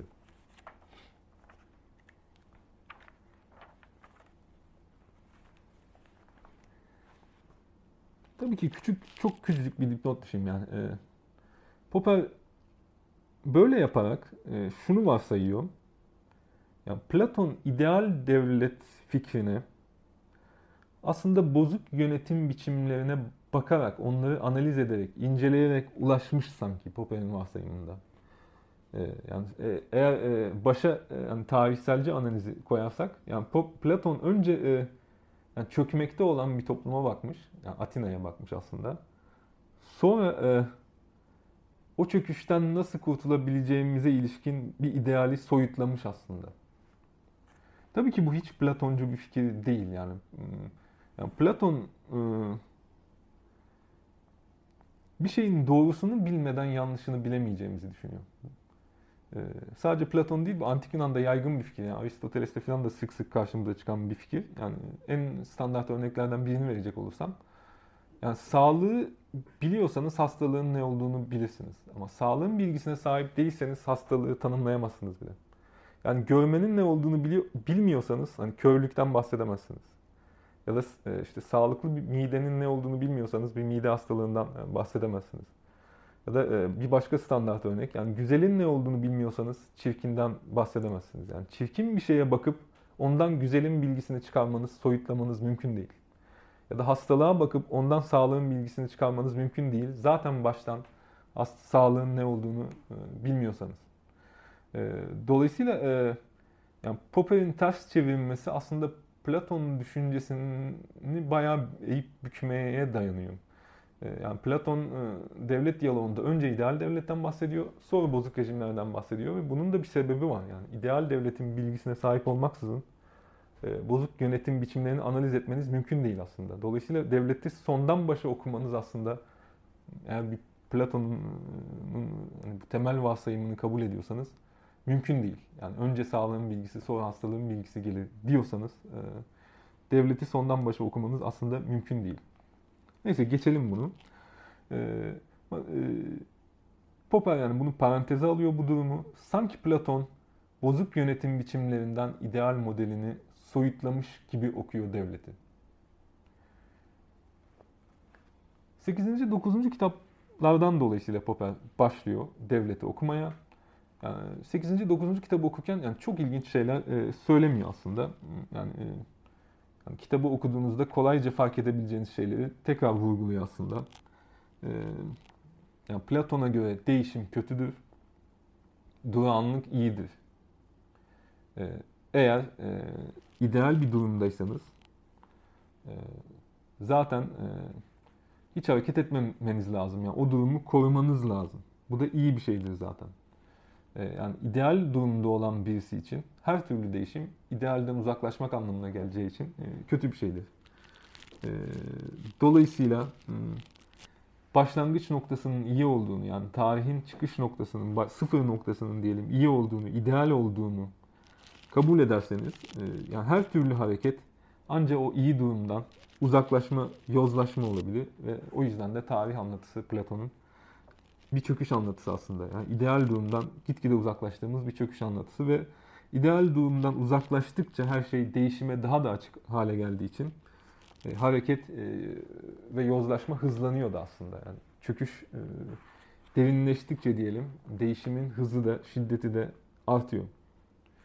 Dolayısıyla iyi bir şey hareket etmez sadece kötü bir şeyin iyi olan yönündeki hareketi bir yere kadar iyi olabilir. Sadece kötü bir durumdaysanız, yani hastaysanız sağlığa doğru hareket etmeniz iyi bir hareket olabilir. Ama sağlıklıysanız yani oradan kımıldamamanız e, lazım. E, yani bütün bu, bu e, noktaları bizi hatırlatarak Popper yani 8. 9. kitapta Platon'un demokrasiye yönelttiği eleştiriler üzerinde duruyor. Yani burada çok çok ilginç bir şey yok. O yüzden burayı çok geliştirmeyeceğim. Ama bunu yaptıktan sonra yani devleti buradan okumaya başladıktan sonra Popper bu sefer ikinci kitaba dönüyor. İkinci, üçüncü, dördüncü kitaba dönüyor. Orada bulduğumuz hani birinci ideal devlet taslağına bakıyor. Yani o askerlerin yönettiği ideal devlet taslağına bakıyor ve şöyle tuhaf bir şey e, öne sürüyor. Aslında diyor Popper, hmm, ya Platon'da hep e, ütopyacı bir ideal bir model gibi sunulan şeylere biraz dikkatli bakarsanız onların hepsinin tarihsel tezler olduğunu görürsünüz diyor Popper. Dolayısıyla Popper'e göre ikinci, üçüncü, dördüncü kitaplarda bulduğumuz ideal devlet modeli de aslında böyle e, hani Platon'un ideal bir toplumu hayal ederek bulduğu bir model değil. E, bir tarihsel analizin sonucunda türettiği bir model. Burası bence bayağı ilginç. Yani Platon Sparta gibi, Girit gibi toplumlara bakıyor. Yani Antik Yunan'ın en arkaik gibi gözüken toplumlarına bakıyor. Ee, ve bunlarda daha eski bir toplumun işte kapalı toplumun aslında açık toplumun değil de kapalı toplumun izlerini buluyor. Yani Sparta'nın hani, hani tarihin daha eski, daha eski bir momentinin izlerini taşıdığını düşünüyor. Ve onlara bakarak e, ideal devletin ilk resmini e, çiziyor. İkinci, üçüncü, dördüncü kitaplarda. Dolayısıyla ikinci, üçüncü, dördüncü kitaplarda bulduğumuz o askerlerin koruyucu olduğu devleti yönettiği toplum modeli aslında Platon'un kafasından uydurduğu, hayal ettiği bir model değil. Bir tarih tezi aslında yani. Tarihin başında zaten bu vardı. Yani bakınız Sparta. Yani Sparta'ya bakın. Sparta'nın nasıl ideal bir toplumdan evrilmiş olduğunu hayal edin. Analiz edin. E, sonunda bulacağınız şey işte o koruyucuların, koruyucu askerlerin yönettiği ikinci, üçüncü, dördüncü kitaptaki model olacak. Dolayısıyla yani Popper'in devleti sondan başa okuması devletin hani başını da tarihselci hale getiriyor. Yani Platon'un ideal devlet hakkında söylediği her şeyde hani tarihsel tezlere dönüşüyorlar. Hani Platon artık böyle ne bileyim Thomas More gibi hani ütopik bir devlet anlatan birisi değil. Yani tarihin başında neler olup bittiğine ilişkin tarihsel tezler öne süren birisine dönüşüyor. Hatta e, bir tane küçük ilginç şey daha var. Yani hmm, yani Popper şuna işaret ediyor. İdeal devletin doğuşun, doğuşunu açıklamak için diyor Platon. Yani göçebe dağ çobanlarının e, yerleşik hayatta geçmesine işaret etti. E, yani devletin gerçekten bir iki yerinde buna benzer bir şey var. Yasalarda da var. Ama çok belli belirsiz olarak var aslında. Yani göçebe dağ çobanları yerleşik hayatta geçiyorlar. O, e, yer, e, oradaki e, e, geldikleri bölgedeki halkı egemenlikleri altına alıyorlar ve işte o ideal devleti, ikinci, üçüncü, dördüncü kitapla anlatılan, kitaplarda anlatılan devleti kuruyorlar. Yani göçebelerin yerleşik hayata geçmesi sayesinde ilk model e, kuruluyor. E, bu neden ilginç? Yani devlet diyaloğu boyunca Platon'un sürekli başvurduğu güçlü bir metafor var. O da şu, yönetici çobandır. Yani filozof kral çobandır. Askerler çoban köpeğidir. Nüfusun geri kalanı da sürüdür. Ee, yani çoban başta olursa e, e, yani sürüyü işte kurtlardan yani tiranlardan koruyabiliriz. E, çoban köpeklerinin yani askerlerin yardımı sayesinde. Yani bu metafor ağı devlet diyaloğu boyunca sürekli işliyor. Yani yöneticinin çoban olduğu fikri, işte halkın sürü olduğu fikri, e, askerlerin işte çoban köpeği olduğu fikri. Yani bütün devlet diyaloğu boyunca tekrar tekrar işlenecek bir metafor bu. E, yani Popper'in okumasında ama bu metafor metafor olmaktan çıkıyor. Yani yöneticiler gerçekten çobanlar. Yani dağ çobanları yerleşik hayata geçip yönetici olmuşlar. Dolayısıyla yani yöneticilerin yani çoban olması bir metafor değil artık e, Popper'in okumasında. Yine bir tarih tezi. E, yani bence bayağı ilginç, tuhaf bir e, şey bu. E, tabii ki yani Platon'da bir iki pasaja dayansa da Popper'in bu okuması yani epeyce e, hani, zorlama bir okuma yine de. Ama ne olmuş oluyor? Yani Popper devlet diyaloğuna böyle yaklaşarak, devlet yani sondan başa doğru giderek devletin ikinci, üçüncü, dördüncü kitabında Platon'un söylediklerini de tarihselleştiriyor. Peki devlet diyaloğunun o esas kalbi diyebileceğimiz 5. 6. 7. kitaplar hakkında Popper ne diyecek? Yani 7-8'den başladı, 2-3-4'e döndü. Peki 5-6-7'yi ne yapacak? Aslında hiçbir şey yapmıyor. 5. 6. 7. kitaplardan neredeyse Popper hiç bahsetmiyor. Ya oradaki felsefi içeriği yani hiç, ciddiye almıyor. İşte mağara alegorisinden, çizgiden falan neredeyse bahsetmiyor bile. O devlet diyaloğunun en meşhur kısımlarından neredeyse hiç bahsetmiyor bile. 5. 6. kitaplara, 5. 6. 7. kitaplara başka bir rol biçecek Popper. Onun ne olduğunu e, biraz sonra söyleyeceğim. Dolayısıyla Platon'un tarihselciliği için hani bu kadar e, yeterli diyebilirim. Yani Platon'un e, ideal devlet kuramının aslında e, tarihsel e, bir takım varsayımlara ve tezlere dayandığı fikri. Bundan sonra gelelim Platon'un ütopyacı toplum mühendisliğine.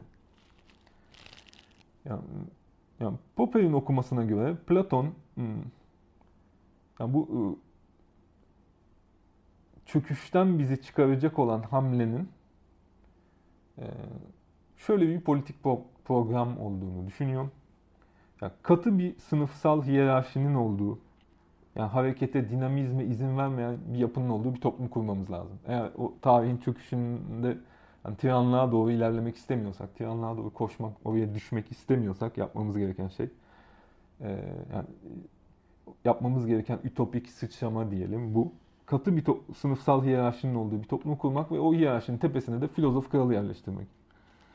E, devletin ya da e, e, toplumun kaderiyle yönetici sınıfın kaderini iç içe geçirmek. Yani filozof kralın baş, başa gelmesi ve başta kalması e, her şeyin e, temelinde yer alıyor. Yani devletin bekası, halkın mutluluğu, her, ne derseniz artık filozofun başta olmasına e, bağlı. E, tabii ki bu baştaki filozof kralın bir takım e, askeri, işte eğitsel vesaire, eğitimle ilgili falan ayrıcalıkları var. Bir dizi ayrıcalıkları var. Ya halkın yararlanamadığı bir dizi ayrıcalıklara sahip yöneticiler e, sansür ve propaganda aygıtını elinde bulunduruyorlar. İşte devlet yolundaki meşhur e, soylu yalan meselesi. E, yani yeniliğin her türlüsüne karşı oldukları için e, yani halktaki yeniliğe yönelik, değişime yönelik arzuları bastırmak üzere işte bir takım soylu yalanlar üretiyor yöneticiler ve bu yetkiye de sahipler. Öyle bir toplum olmalı ve devlet e, ekonomik bir özelliğe sahip olmalı yani tüccarlara bağlı olmamalı. Yani bu beş özellikle Popper ideal devletin Platon'u tanımlıyor. Yani katı bir sınıfsal hiyerarşi, yani toplumun kaderiyle yöneticinin kaderinin bir tutulması, yöneticilerin bir dizi ayrıcalığa sahip olması, yani sansür ve propaganda devletin işte ekonomik e, özelliği. E bu nasıl bir toplum diye düşünüyor Popper. Yani bu toplumu tanıyoruz aslında. Bu bildiğimiz faşizm yani. Totalitarizm ya da faşizm yani. Platon'un ideal e, ütop pist e, toplum mühendisliğinin bizi götürmek istediği yer. E, yani metni harfiyen okursak işte o başta dediğim şey Platon'u idealize etmekten vazgeçersek göreceğiz ki faşizm. E, ya herkes e, devlet diyaloğunun o çekici mavi alegorisine falan odaklandığı için işte adalet, iyilik, güzellik, bilgelik falan hakkında Platon'un söylediği şeylere odaklandığı, onların büyüsüne kapıldığı için ya herkes 5. 6. 7. kitapların büyüsüne kapıldığı için diyelim oradaki bazı pasajların aslında e, gerçek Platon'u e, yani totaliter Platon'u, faşist Platon'u, ırkçı Platon'u falan e, göremiyor. Onu örtbas ediyor ya da bir şekilde. Görmek, görmek istemiyor. E, dolayısıyla e, Platon'un tarihselci bir okuması hani, e, bizi faşizme götürecek bir toplum mühendisliği sunan ikinci bir Platon'la e, bir arada ilerliyor. Peki Platon bunu nasıl başarıyor? Yani Popper'e göre. Yani e, Platon hani modern okulları bu kadar etki altına almayı nasıl başarıyor? Yani madem Platon hani e, totalitarizmin bir savunucusu ya da faşizmin bir savunucusu, yani neden devlet diyaloğunu yine e, okumaya devam ediyoruz? Onunla ilgilenmeye devam ediyoruz? Çünkü diyor Popper, Platon bir hile yapıyor aslında. Bir dizi hile yapıyor. Yani işte Platon'un büyüsü başlığını taşıması da e, Popper'in kitabının birinci cildinin bu. Anlamı bu. Ee, yani Platon bizi büyüleyerek yani düşüncesinin totaliter yanını e, hani görmezden gelmemizi ya da farkında olmadan o yanı kabul etmemizi sağlıyor. Ee, peki Platon'un bu büyücülüğü neye dayanıyor? Yani bunun ya uzun uzun Popper analiz ediyor. Analizlerin hepsini gözden geçirmem yani bu konuşma kapsamında mümkün değil ama birkaç tanesine işaret edeyim en belli başlıklarına ve en ilginç bulduklarına diyelim işaret edeyim.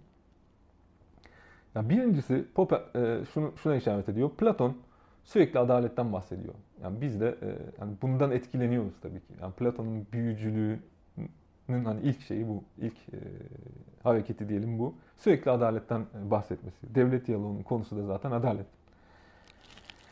Şöyle soruyor e, Popper, yani biz bugün adaletten ne anlıyoruz? Adalet deyince ne anlıyoruz?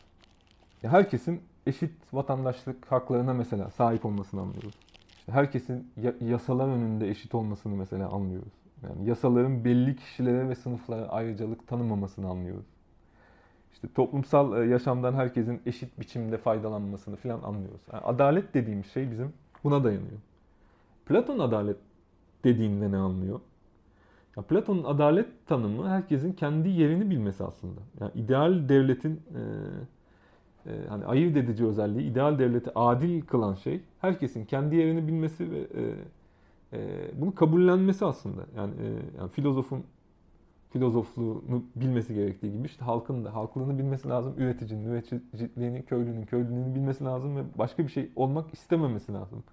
Yani e, dolayısıyla e, ya biz bugün adalet derken eşitlikçi, işte bireyin haklarını koruma anlamında bireyci, özgürlükçü bir şey anlarken biz bugün adalet dediğimizde Platon adalet dediğinde işte toplumsal hiyerarşiyi anlıyor. Bireyciliğe karşı olan, bireyin hak ve özgürlüklerini önemsemeyen bir kolektivist yaklaşımı anlıyor. E, vatandaşların özgürlüğünü garanti altına alan bir devlet yerine e, vatandaşların devlete hizmet ettiği bir şeyi anlıyor. Yani Platon e, adalet derken. Dolayısıyla özetleyecek olursam yani Platon adalet derken bizim tam da adaletsizlik dediğimiz şeyi anlıyor. Yani bizim bugün adaletsizlik dediğim şey Platon'un adalet dediği şey. Dolayısıyla Platon'un büyücülüğü adalet sözcüğünü kullanarak yani kendi düşüncesindeki diyelim totaliter yanı e, saklaması, örtbas etmesi. E, bir başka ilginç nokta, hmm, yani Platon'un hani bu büyüsünü mümkün kılan bir başka ilginç nokta şu. E, yani biz bugün bireycilikle kolektivizm arasında bir karşıtlık kuruyoruz diyor Popper. Yani bireycilikten anladığımız şey de yani bireyin haklarının korunması, yani kişi hak ve özgürlüklerinin korunması falan gibi bir şey. Bireycilik. Bunun karşısında kolektivist model işte toplumu bir organizma gibi düşünüyor ve bireyleri o organik bütünün parçalarına indirgiyor aslında. Dolayısıyla kişi hak ve özgürlüklerini de tamamen e, göz ardı etmiş oluyor. Yani bireycilik ve kolektivizm böyle bir karşılık kurabiliriz. Platon kolektivist bir model öneriyor.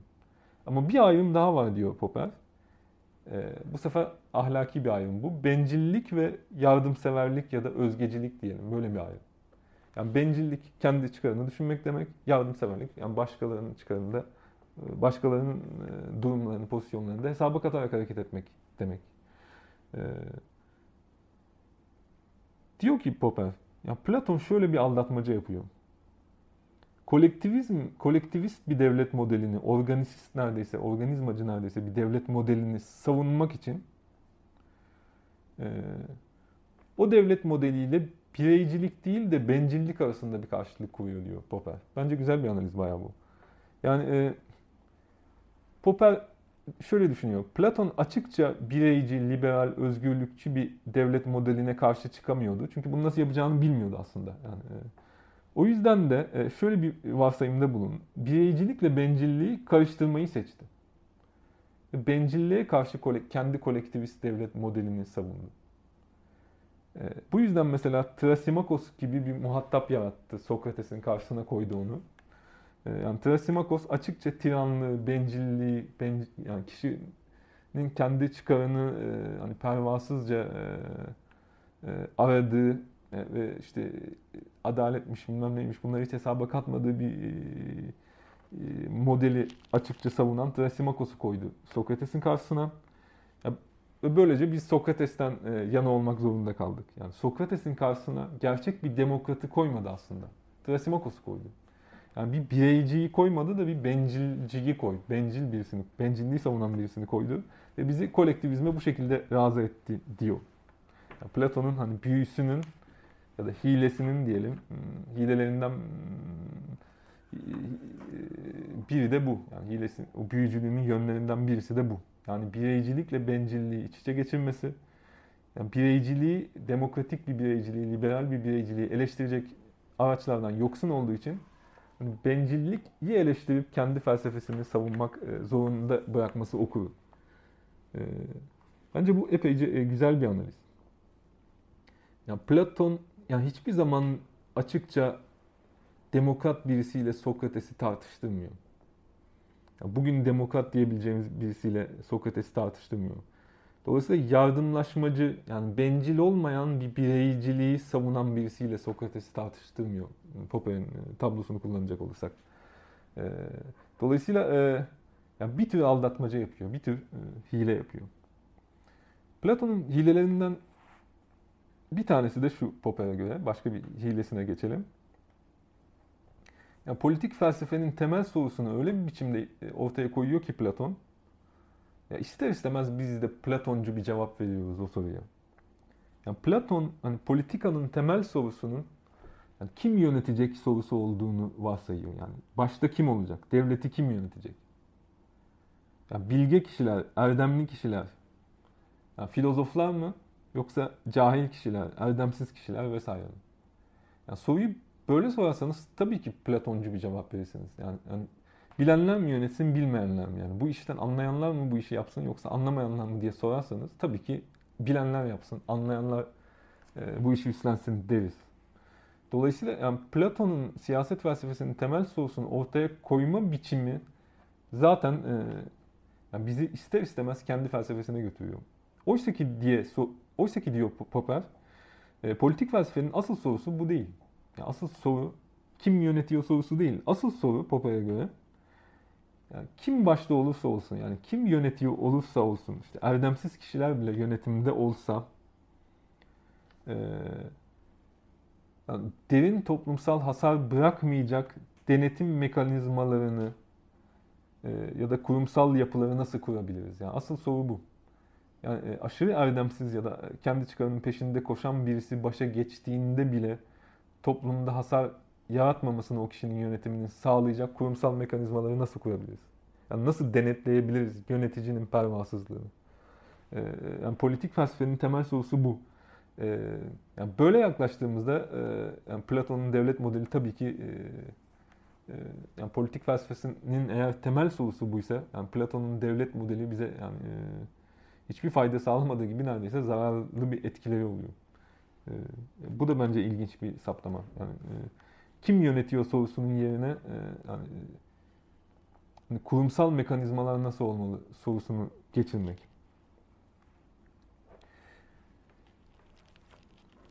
Ama Platon'un son büyük hilesi Popper'e göre, son büyük hileleri e, aslında bunlardan da daha derin ve işte Platon sevenleri ya da Platon okullarını en çok üzen, öfkelendiren, işte onlarda böyle savunmacı bir pozisyona geçme arzusu uyandıran pasajlar, pasajlarda bu kısımda yer alıyor.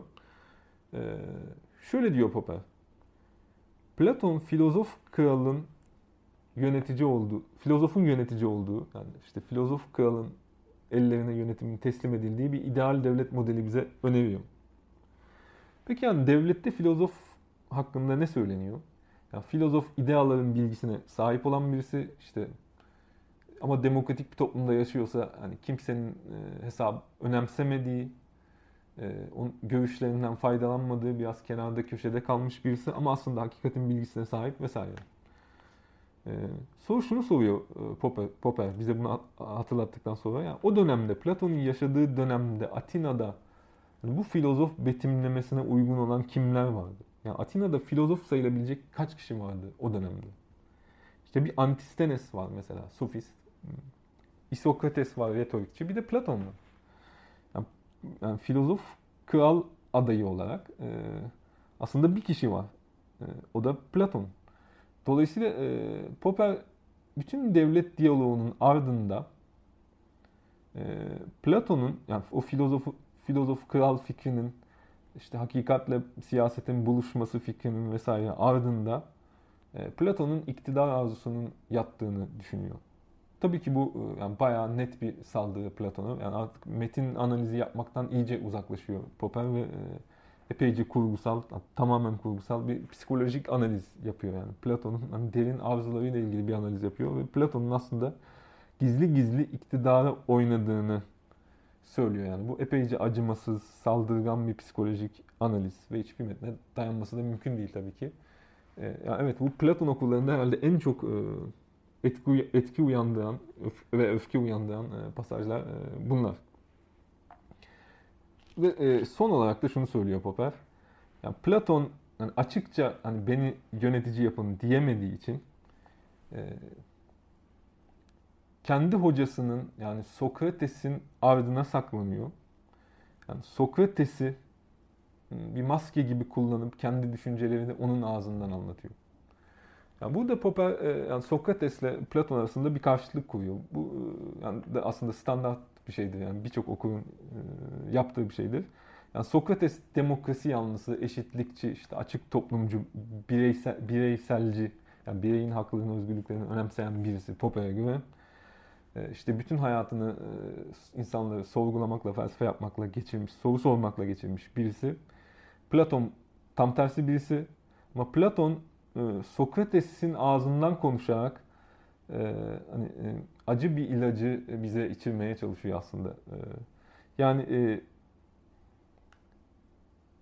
kendi düşüncesinin sertliğini Sokrates maskesi adına gizleyerek e, bize e, hissettirmemeye e, çalışıyor. Onu örtbas etmeye çalışıyor. Ve böylece de hocası Platon hocası Sokrates'e Popper'a göre büyük bir ihanette bulunmuş oluyor. Yani Sokrates'in bütün öğretilerini çarpıtmış oluyor. Yani Sokrates'e göre eğitim sürekli bir soruşturmaya dayanıyor. Yani tek bildiğim hiçbir şey bilmediğimdir diyen birisi sonuçta Sokrates ve bütün hayatını sorgulamayla geçirmiş birisi. Oysa ki Platon e, yani Sokrates'in ağzından güçlü metafizik e, tezler öne sürüyor. Yani Sokrates'e tam Sokrates'i tam da olmadığı şeye e, dönüştürüyor. Tabi burada yani burada da yani Popper yani Platon idealizasyonundan kurtulmak için, Platon'u idealize etmekten kaçınmak için diyelim Sokrates'i biraz idealize etmiş oluyor. Ama ana fikir şu yani Platon yani Sokrates imgesinin ardına gizlenerek okurlarını aslında e, manipüle ediyor. Yani Platon'un büyüleri, büyüsü bunlara dayanıyor. E, dolayısıyla e, ne olmuş oluyor? Popper devlet diyaloğunu yani toparlayacak olursam Popper devlet diyaloğunu iki çerçeveyi iç içe geçirerek okuyor. Açık toplum, kapalı toplum ayrımı var. Bir yanda elimizde, bir yanda da tarihselcilik ve onun eleştirisi var. Ee, Popper, Platon'un tarihselciliğini eleştirerek başlıyor devleti okumaya. Dolayısıyla 8. 9. kitapları çıkış noktası olarak alıyor. Ve bu sayede 2. 4. kitaplardaki birinci devlet taslağını, askerlerin yönetici olduğu devlet taslağını e, tarihselleştiriyor. Yani Platon'un orada söylediği şeylerin de aslında tarihsel tezler olduğunu öne sürebiliyor artık. Ve 5. 6. 7. kitapların yani devlet diyaloğunun en önemli kitaplarının da aslında e, yani Platon'un bu şiddetli antipatik tezlerini maskelemeye hizmet ettiğini söylemiş oluyor. Dolayısıyla yani devlet diyaloğunun e, en önemli yerlerini yani felsefi olarak en önemli yerlerini e, ikincileştirmiş oluyor Popper. Ve onları böyle biraz e, e, maskeye, e, hani retorik aygıtlara dönüştürmüş oluyor. Yani Platon düşüncesinin sertliğini gizlemek için işte idealar teorisi, e, işte iyi ideası, e, işte o filozof mağaranın dışına çıkan filozof figürü falan gibi şeyleri yarattı. Yani bunlarla düşüncesinin hani antipatik yanlarını örtbas etti diye düşünüyor. Yani devlet diyaloğunun hani bütün dengeleri gördüğünüz gibi değişmiş oluyor Popper'in e, okumasında. Ee, yani son birkaç şey söyleyerek bitireyim. Yani Popper'in kitabını tabii ki bir sürü eleştiri yapabiliriz. Yani bir sürü açıdan bu kitabı eleştirebiliriz. Ee, yani e, bir kere şunu eleştirebiliriz. Yani Popper sanki şunu varsayıyor yani o tarihselcilik meselesini bu kadar vurgulamasının arkasında da o var. Yani sanki e, diye düşünüyor Popper. E, yani tarih e, yani büyük düşünürlerin, büyük kuramcıların yön verdiği bir şey. Yani tarih sanki büyük filozoflar belirliyormuş gibi. Yani tarih sanki büyük fikirlerin tarihiymiş gibi. Yani Platon gelip böyle bir kitap yazdığı için, işte Marx çıkıp şöyle bir teori geliştirdiği için sanki bir takım toplumsal olaylar olmuş, komünizm diye bir şey olmuş gibi yapıyor. Ee, tabii ki bu işte e, yani Marx ve Engels'in tam da e, idealizm dediği şey. Yani tarihin, e, fikirlerin tarihi olduğunu zannetmek. Yani fikirlerin de aslında içinde bulundukları koşullar tarafından e, e, mümkün kılındıklarını göz ardı etmek. Yani Platon sanki e, faşizmi yaratmış gibi e, düşünmek e, epeyce idealist bir tarih anlayışına dayanıyor. Dolayısıyla Platon'u ortadan kaldırırsanız, Platon'u yenerseniz, Platon'un maskesini indirseniz e, aslında faşizme de büyük bir darbe indirecek misiniz gibi oluyor Popper'in okumasında. E, bu işte demin dediğim gibi Marx ve Engels'in mesela Alman ideolojisinde Alman ideologlarına yönelttiği e, eleştirinin aynısını yani Popper'e yöneltebilmemizi sağlıyor aslında yani. Orada e, Alman ideologları sanki her şey Hegel'in kafasından çıkmış gibi yapıyorlardı. Yani, e, ya da işte Feuerbach gibi birisi yani düşünceleri değiştirirsek e, gerçekliği de değiştirebileceğimizi düşünüyordu. Yani yanlış zihnimizdeki yanlış düşünceleri ortadan kaldırırsak işte toplumsal bir dönüşüm yaratabileceğimizi düşünüyordu. Halbuki e, Marx ve Engels işte koşulların dönüşmesinin düşünceleri değiştirebileceğini söylüyordu buna karşı. E, yani burada Popper'e hani aynı eleştiriyi yapabiliriz yani. Popper bir Alman ideoloğu gibi neredeyse diyelim. E, yani tarihi, e, fikirlerin tarihi olduğunu düşünüyor ve yani sanki Popper, Marx vesaire arasındaki bir kavgadan ibaretmiş gibi her şey. Platon, Marx ve Hegel arasındaki bir kavgadan ibaretmiş gibi sanki her şey.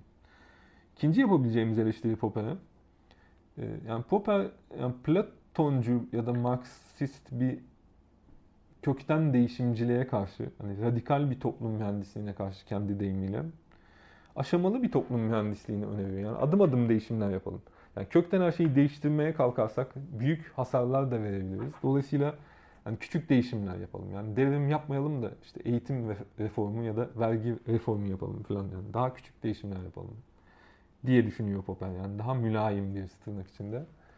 Ama buna da şöyle bir eleştiri yapabiliriz. Yani sonuçta yani Popper bazı problemlerin sistematik, sistemsel problemler olduğunu ya da yapısal sorunlar, problemler olduğunu hiç hesaba olabileceğini en azından hiç hesaba katmıyor bile. Yani, e, yani bir eğitim reformu yapıp yapmamanız başka şeylere de bağlı olabilir. Yani siz e, yani, tamam e, bütün dünyayı değiştiremiyorum bari, bari üniversiteyi değiştireyim falan diyebilirsiniz. İşte mesela bugün üniversiteyi değiştirmek için yani üniversitenin piyasayla ilişkisini de değiştirmeniz gerekmiyor mu? Dolayısıyla yani zaten yapısal bir takım ilişkiler üniversitenin nasıl olması gerektiğini belirliyor ve siz sadece noktasal bir hedef belirleyip e, orada lokal değişiklikler Popper'in arzuladığı gibi e, yapamayabilirsiniz her zaman. Yani yapısal e, koşullar e, hani sizin hareket alanınızı, eylem alanınızı ve işte müdahale gücünüzü epeyce sınırlandırabilir. Yani Popper bu tartışmayı hiç yapmıyor bile. Yani bunlar Popper'in kitabına yöneltebileceğimiz genel eleştiriler. Ama e, ilginç bulduğum son bir şeye işaret ederek e, bitireyim. Yani Popper e, aslında devlet diyaloğunun temel tezlerinin etrafından dolaşıyor hep. Yani bu tarihselcilik falan meselesi yani. Sondan başlıyor. Kitabın başına döndüğünde orada da tarihselci tezler buluyor falan ama asla 5. 6. 7. kitaplarda neler olduğuna bakmıyor. Platon'un temelde ne dediğine hiç bakmıyor. Yani Platon'un temel devlet diyaloğundaki temel fikrini yani özetleyecek olsam Hani bu fikri e, yani hani şu satırlarda e, bulabilirim diyeyim. Yani Platon'un hani 7. mektubundan size bir alıntı yapayım. E, şöyle diyor Platon 7. mektupta. Aynısını devlette de çok benzer bir şeyi devlette de söyleyecek. Yani 326 AB'de şöyle diyor. Sonunda anladım ki diyor Platon. Yani şu anda var olan şehir devletlerinin hepsi e, toptan kötü bir politik rejimle yönetilmektedir e, çünkü bunların yasaları pratik olarak düzeltilemez durumdadır. Yani e, anladım ki diyor hiçbir şeyi düzeltemeyiz şu anda. Sorumlu olarak şu sonuca ulaştım. Biraz serbest biçimde çevirdim metni. Doğru felsefeyi överek şunu söyleyebilirim ki hem devlet işlerinde hem kişisel işlerde adil olan her şeyi felsefe sayesinde bilebiliriz. Dolayısıyla da düzgün ve doğru biçimde kendilerini felsefeye adayanlar politik iktidara gelmedikçe ya da devletlerde iktidarda olanlar bir ilahi esinlenişle gerçekten felsefeyle ilgilenmedikçe insanlığın kötülüklerinin sonu gelmez. 7. mektup. Ya da e, devletin 5. kitabında da aynısını söylüyor. 473 CD'ye de bakabilirsiniz. Orada da çok benzer bir pasaj var. Yani bilenler yönetmedikçe ya da yöneticiler bir şekilde filozof olmadıkça, bilgi sahibi olmadıkça e, hiçbir şey düzelmez diye düşünüyor Platon. Dolayısıyla şunu varsayıyor. Ya önceden verili bir bilgi, bir hakikat aslında politik alanı düzenlemeli. Yani politik e, deneyimin hani e, kuralını diyelim önceden verili bir hakikatte bulabiliriz. O hakikate, o bilgiye sahip olan kişiyi başa geçirirsek e, devlette iyi yönetilir. Yani aslında Platon'un devlet teorisi e, devlet kitabındaki te, teorisinin merkezinde bu fikir yer alıyor. Yani politika bir bilgi meselesidir. Ve bilenler başa geçerse e, devlet iyi yönetilir. cahiller başta olursa devlet kötü yönetilir. Bu yüzden demokrasi kötü bir şeydir. Çünkü demokrasinin ölçütü bilgi değil. İşte insanları etkileme falan. Yani Platon'un hani, hani devlet diyaloğundaki temel fikri e, bana kalırsa bu. Yani, yani diyaloğun kalbi bu. İşte o 5. 6. 7. kitaplarda Popper'in etrafından dönüp bir türlü içine giremediği, bir türlü doğrudan bakmadığı kitaplarda Platon'un savunduğu fikir e, bu. Şimdi şunu söyleyerek bitireceğim. Yani aslında Popper bu varsayımını kabul ediyor gibi neredeyse. Yani kitabını biraz dikkatli okursanız. Yani yönetici, yön, devleti yönetmenin bilgi, bilgi meselesi olduğunu Popper kabul ediyormuş gibi yani bilenlerin yönetmesi gerektiğini kabul ed- ediyormuş gibi. O aşamalı toplum mühendisliği, Popper'in önerdiği aşamalı toplum mühendisliği de yani, e, politikanın bir bilgi meselesi olduğunu, yani devleti iyi yönetmenin işte e, hani bir bilgi gerektirdiği varsayım ne e, varsayıyor. Bu varsayımın hiçbir sorunu Popper'in yokmuş gibi. Yani dolayısıyla yani kitaptaki bir Popper'in kullandığı bir sürü metafor, işte kurumlarla makine arasında bir bağlantı kurması, mühendislik sözcüğünü zaten kullanıyor olması, yani toplum mühendisliği lafını hiç tartışmadan kullanabiliyor olması böyle rahatça falan. Ya belli bir bilgi sayesinde daha teknokratik bu sefer Platon'dakinden aksine bir bilgi sayesinde toplumu yavaş yavaş daha iyiye doğru dönüştürebileceğimizi falan varsayıyor. Bu çok Platoncu bir varsayım temelde. Dolayısıyla Popper e, yani devlet diyaloğunun hani e, e, merkezine hiç bakmıyor yani. Esas odak noktasına hiç bakmıyor. O oraya baksa aslında kendi e, kitapta söylediklerine çok yakın bir şey e, gö, görecek. Ve böylece Platon'dan ayrıldığı tek yer Popper'in sanki şu yani e, Platon o bilgiyle yani siyasetin önceden verili bilgisiyle e, yani bütün toplumu kökten değiştirebileceğimizi savunurken Platon ki bunu savunup savunmadığı da tartışmalı. Ya Popper adım adım gidelim, aşamalı gidelim. Sonra yanlış bir şey yaparız. Başımıza e, kötü şeyler gelir demiş oluyor yani. Aşamalı toplum mühendisliği, e, lokal hani değişikliklerle yavaş yavaş ilerlemek aslında ılımlı bir Platonculuktan başka bir şey değil. Yani Popper Platon'un e, siyaset felsefesinin temel ilkesini bir yana bırakmıyor. Yani siyaset mesela bir bilgi meselesi de bilgi meselesi değildir demiyor. Ya da bizim bir arada yaşama deneyimimiz, yani politikayı böyle tanımlayacaksak, yani bir aradalığımız, yani politik bir cemaat olmamız, önceden verili bir bilgi tarafından koşullanmıyordur falan demiyor yani. Platon'un temel prensibine karşı çıkmıyor. Sadece onu e, daha mülayim hale getiriyor yani. Popper her zamanki gibi yani kendi mülayimliğini işte o e, ılımanlığını diyelim buraya da yansıtıyor. Yani Platon'un düşüncesini biraz yumuşatıyor. Kendisi aslında e, Platon'un düşüncesini biraz yumuşatıyor. Daha makul hale getiriyor. Ama temelde yani hani Popper Platon'un maskesini indiriyordu. Yani biz de hani Popper'in maskesini indirirsek yani o maskenin ardında bir tür mülayim Platonculukla karşılaşıyoruz tuhaf biçimde.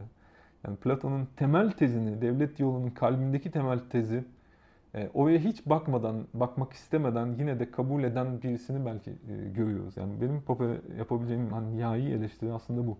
Yani devlet diyaloğunun hani radikal bir eleştirisi değil bu kitapta bulduğumuz şey yani. Gümbürtülü bir eleştiri böyle e, ses ses getiren duygusal yükleri falan olan kavgalı dövüş içeren falan bir eleştiri sunuyormuş gibi bir konuşuyor Popper.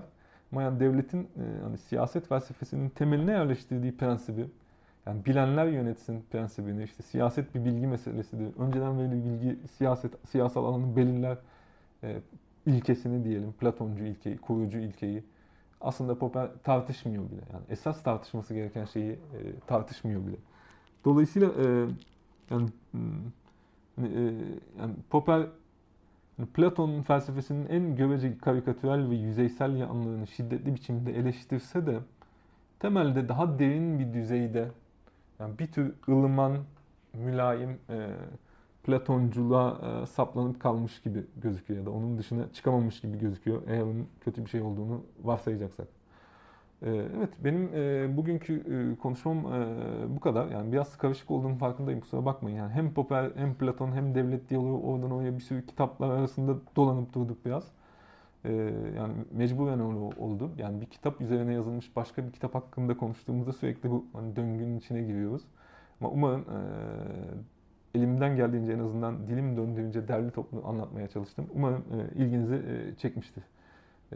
Dinlediğiniz için teşekkür ederim.